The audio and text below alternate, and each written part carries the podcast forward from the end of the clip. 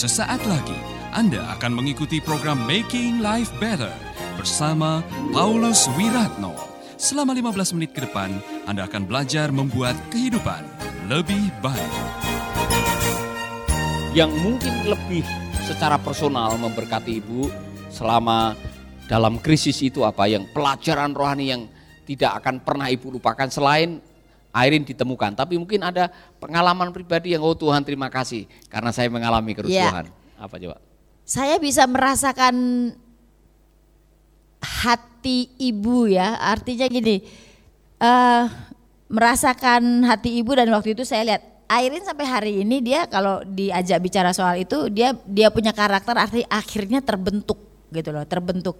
Saya melihat itu. Nah, saya berpikir bahwa anak-anak ini penting ya, penting. Saya sangat uh, apa namanya? mencintai, mengasihi, peduli kepada anak dan saya sebagai anak daripada Allah sendiri, saya merasa Allah seperti saya gitu loh. Contohnya, saya nggak mau kehilangan anak saya, saya nggak mau anak saya disakiti, saya nggak mau apa pokoknya saya mau anak saya dilindungi. Saya juga tipe orang yang sedikit overprotection karena kasih itu, kasih itu. Nah saya pikir Tuhan juga seperti itu sama kita, sama saya. Saya merasa saya anak spesialnya Tuhan, istimewanya Tuhan. Setiap apa yang terjadi dalam hidup saya itu diperdulikan oleh Tuhan dan saya belajar. Saya punya uh, panti asuhan, saya punya sekitar 400 sekian waktu uh, beberapa waktu yang lalu. Sekarang tinggal mungkin seratusan ya anak panti asuhan di seluruh Indonesia. Saya merasa hati saya buat mereka tuh luar biasa sekali loh. Saya saya saya sangat sangat itulah kebahagiaan saya kalau ngomong soal anak panti asuhan saya sedih. Nah saya nggak mau anak-anak saya tuh kadang kayak Widya terakhir kemarin yang saya marahin betul anak saya dikasih makan nasi coklat karena berasnya jelek gitu ya. Saya bisa marah seperti itu karena anak-anak itu anak anak Tuhan kayak Tuhan tidak pernah kasih saya yang yang yang sembarangan. Saya harus melayani mereka dengan yang baik. Nah itu awal dari dari di mana saya bisa melayani Tuhan. Terima kasih Ibu Paulus untuk kesaksiannya. Ya. Mungkin ada lagi sesuatu yang mau disampaikan? Enggak ada sih. Enggak ada. Jadi saya belajar banyak dan membuat hati saya mengerti siapa Allah saya pada kejadian-kejadian itu. Mungkin Bapak Ibu tidak mengalami kejadian yang seperti itu. Tapi hal-hal kecil saja, mari kita sadari bahwa Allah itu ada bersama dengan kita. Dia ada, jangan abaikan di mana pun kita berada. Waktu kita duduk, kita di mana saja hadirat Tuhan ada. Saya nggak terlalu waktu itu susah sedih yang seperti apa gitu ya enggak. Saya tenang karena saya tahu Allah ada di saya. Apa pun seandainya waktu itu saya tidak temukan Airin dan Airin hilang, ya enggak enggak masalah buat saya. Enggak terlalu bagaimana. Bener. Karena saya tahu Tuhan Bener. ada. Paling nangis ya, ya. ya kan sedih ya. gitu. Maksud saya sampai saya memaki-maki, komplain sama Tuhan, mengeluh dan lain sebagainya, itu enggak. Karena saya tahu semua di dalam hidup ada di dalam kontrol Allah. Tapi ibu berkali-kali mengatakan, saya tahu Tuhan, saya tahu Tuhan, saya tahu Tuhan. Artinya pengalaman kita, iman kita menentukan kualitas kita melihat kenyataan. Dan kalau kita meyakini Tuhan turut bekerja dalam segala perkara untuk mendatangkan kebaikan, apa pun juga kesulitan yang sedang saudara hadapi, ujung-ujungnya adalah kebaikan. Makanya kita bisa bersuka cita dalam situasi yang berduka cita. Nah, kalau tidak percaya saudara-saudara, mari kita kembali lihat video waktu kami di pengungsian. Ya kan? Video waktu tiap pagi hanya di kompleks pengungsian sekolah kitab KTKT yang kami nyanyi. Ada gitar, kami menyembah Tuhan tiap pagi ada doa pagi, ada pujian dan penyembahan. Siang kita nongkrong di depan, ya kan? Kita menyanyi pujian tiap hari. Bahkan kita bisa menjalankan wisuda darurat di tengah-tengah pengungsian. Saya kurang tahu kalau ada siswa-siswa alumni SPI yang uh, di wisuda di uh, Pangkalan Angkatan Laut, saudara-saudara, berbahagialah. Ternyata Tuhan sudah menyediakan segalanya. Tuhan turut bekerja sama. Seminggu sebelumnya orang tua orang tua wisudawan ini sudah datang. Ada yang dari Maluku Tenggara karena harus mengikuti jadwal kapal. Ada yang sudah bawa kambing, ada yang sudah bawa ayam. Semua dibawa ke pengungsian. Jadi pada waktu kami mau wisuda, Tuhan sudah sediakan segalanya. Ya, perjalanan pengalaman seperti itu yang membuat iman ini menjadi kuat dan percaya. Nah, saya hanya mau kasih nasihat atau kasih berbagi berbagi iman buat saudara. Selalu apa yang terjadi dalam hidup bagi orang-orang yang hidupnya bergantung kepada Tuhan itu tidak dianggap sebuah kebetulan. Baik yang baik, baik yang tidak baik. Ya. Karena dia memang hidupnya bergantung kepada Tuhan. Nah pertanyaannya adalah, ini saya juga baru mendapatkan pewahyuan dalam minggu-minggu kemarin ya. Pertanyaannya adalah how desperate you depend on Jesus. Kita punya iman kepada Tuhan, tapi seberapa mendesaknya, seberapa apa desperate. Ya. Saya Sep- pakai bahasa Inggris des- desperate karena memang itu lebih dalam gitu loh artinya. Sep- ya Pak, seperti seberapa perlunya singkat keperluan Anda mendesak urgensinya Ya. seperti apa terhadap pertolongan Tuhan dalam hidup saudara akan seberapa perlunya, saudara. seberapa menjadi sebuah kebutuhan saudara yang mendesak, yang urgent, yang saudara pikir saudara bergantung kepada Tuhan. Kita berdoa setiap hari, tapi doa kita kadang-kadang, aduh bagaimana ya, bisa nggak ya ini terjadi? Masih ada khawatir, artinya kita belum percaya sepenuhnya. How desperate you need Jesus, gitu loh. Seberapa butuhnya saudara itu setiap saat, setiap hari memerlukan Tuhan. Nah itu diilustrasikan, saya saya punya pengalaman kemarin diilustrasikan sebagai seorang ibu yang mau melahirkan anaknya. Dia sakit, dia mules, dia seperti aduh bagaimana tapi dia nggak bisa keluarin anaknya. Dengan segala kekuatannya dia nggak bisa. Sampai Tuhan mengizinkan itu keluar dari kandungannya. Kita sendiri nggak bisa, dokter nggak bisa mau divakum, mau dirobek, mau dioperasi, bukan itu. Tapi how desperate, berapa banyak kita butuh ketergantungan kita kepada Tuhan. Itu luar biasa, seperti ibu yang mau melahirkan. Waktu dia diizinkan Tuhan keluar lahir dengan baik, segala sakit, segala beban, segala penderitaan lenyap, hilang seketika. Maaf buat bapak-bapak yang nggak tahu ya. Jadi itu yang saya rasakan. Kedua, waktu saudara sakit perut, mules ya, makan cabai kebanyakan. Atau saudara minum broklak, itu obat sakit perut yang cuci perut itu. Saudara nggak bisa tahan mau ke toilet. Bener nggak? Saudara punya kekuatan, punya uang, punya apa saja, tapi saudara nggak bisa menahan sakit perut saudara. Saudara nggak ketemukan toilet di mana saja saudara berada prot. Serius, serius. Saya nggak sedang jorok atau melucu, tapi itu coba ambil, ambil hikmahnya bagaimana kita perlu Tuhan di dalam kehidupan kita setiap saat. Anda masih bersama Paulus Wiratno di Making Life Better.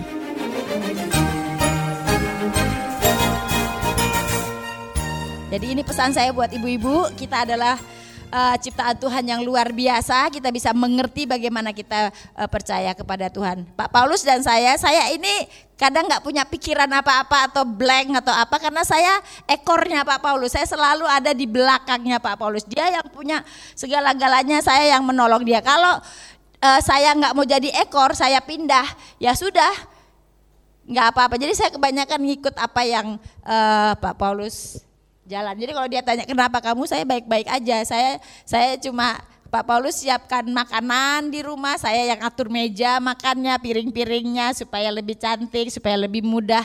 Itu bagian saya. Jadi kalau susahnya banyak di Pak Paulus, saya ngikut aja. Dia susah, saya susah, dia senang, saya senang.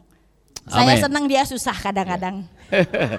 Itu Ya, saja Pak Paulus. Tepuk tangan buat Ibu Yeye, ya luar biasa. Nah saya mau menjelaskan, berkali-kali tadi diucapkan, kita berserah saja. Kita berserah saja. Tindakan berserah adalah tindakan iman. Mengapa kita berserah kepada Tuhan? Karena kita beriman waktu kita berserah, Tuhan melakukan tindakan. Nah saudara-saudara, itulah sebabnya Rasul Paulus bisa mengatakan kalimat ini, saudara-saudara. Semoga Allah sumber pengharapan memenuhi kamu dengan segala sukacita dan damai sejahtera dalam iman kamu. Waktu kita beriman, ada dua hal yang akan diproduksi oleh iman. Sukacita dan damai sejahtera. Kita bisa nyanyi, bisa tidur nyenyak di tengah suara bom yang meledak, asap yang mengepul, kekhawatiran, ketegangan di sekitar kita, kita bisa tidur nyenyak, saudara-saudara. Dan supaya oleh kekuatan roh kudus, kamu berlimpah-limpah dalam pengharapan. Sekali lagi kita melihat, sukacita, damai sejahtera harapan atau iman produk dari pekerjaan roh dalam hidup saudara. Roma 14 ayat 17 lebih jelas lagi dengan baik-baik ya. Sebab kerajaan Allah bukanlah makan atau minum. Sebab kerajaan Allah bukan soal makan dan minum, tetapi soal kebenaran, damai sejahtera, dan sukacita oleh siapa? Roh Kudus. Kerajaan Allah. Waktu Yesus e, mengajarkan kita berdoa, biarlah kerajaanmu datang di bumi seperti di surga. Artinya apa? Supaya kita semua waktu selesai berdoa ada damai sejahtera, ada sukacita.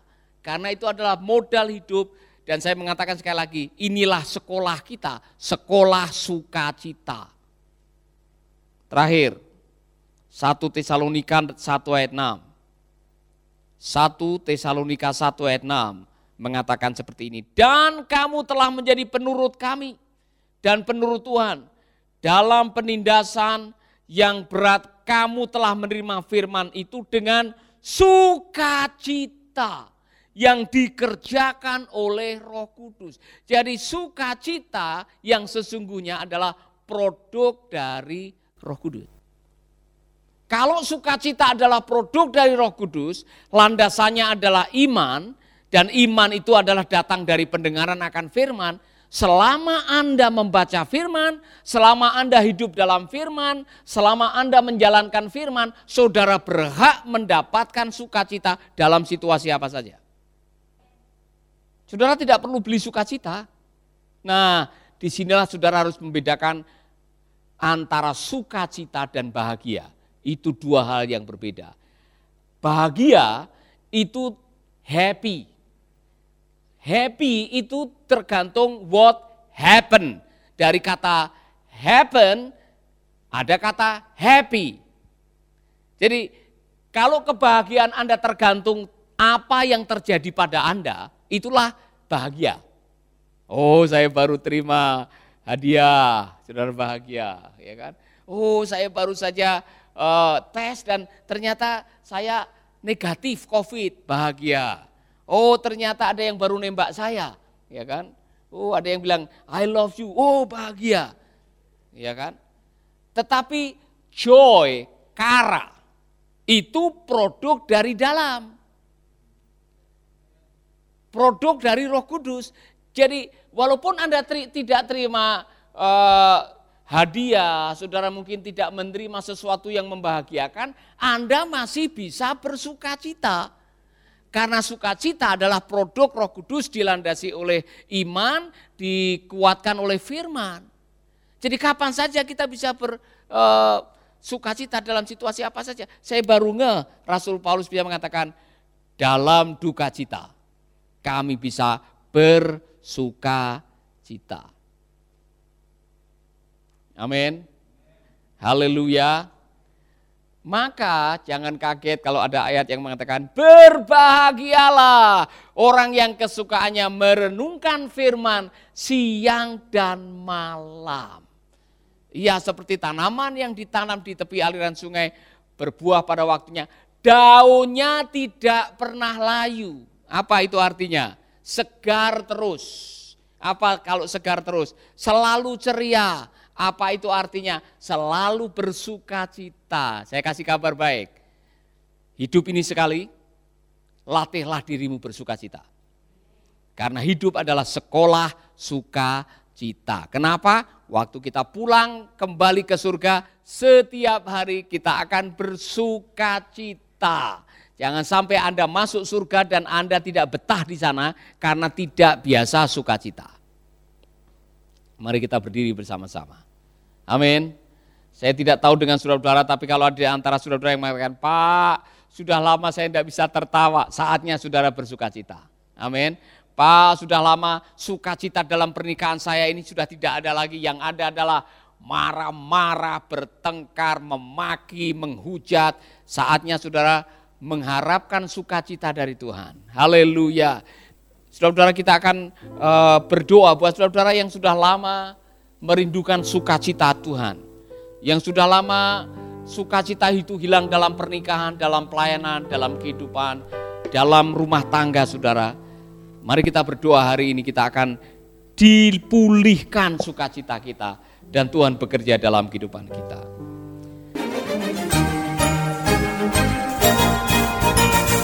Sahabat, Anda baru saja mendengarkan Making Life Better bersama Paulus Wiratno.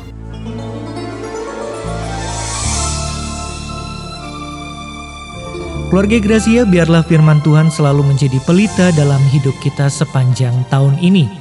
Dengarkan selalu radio Suara Gracia di 95,9 FM, streaming di suaragratiafm.com streaming atau dengan aplikasi Android Radio Suara Gratia yang tersedia di Play Store. Jika Anda diberkati oleh siaran suara Gracia FM dan mengalami kuasa mujizat Tuhan, mari menjadi berkat dengan mengirimkan kesaksian ke WhatsApp Radio Suara Gracia FM di 0817 222959. Biarlah melalui kesaksian Anda, banyak jiwa dikuatkan dan dibangkitkan kembali imannya. Tuhan memberkati.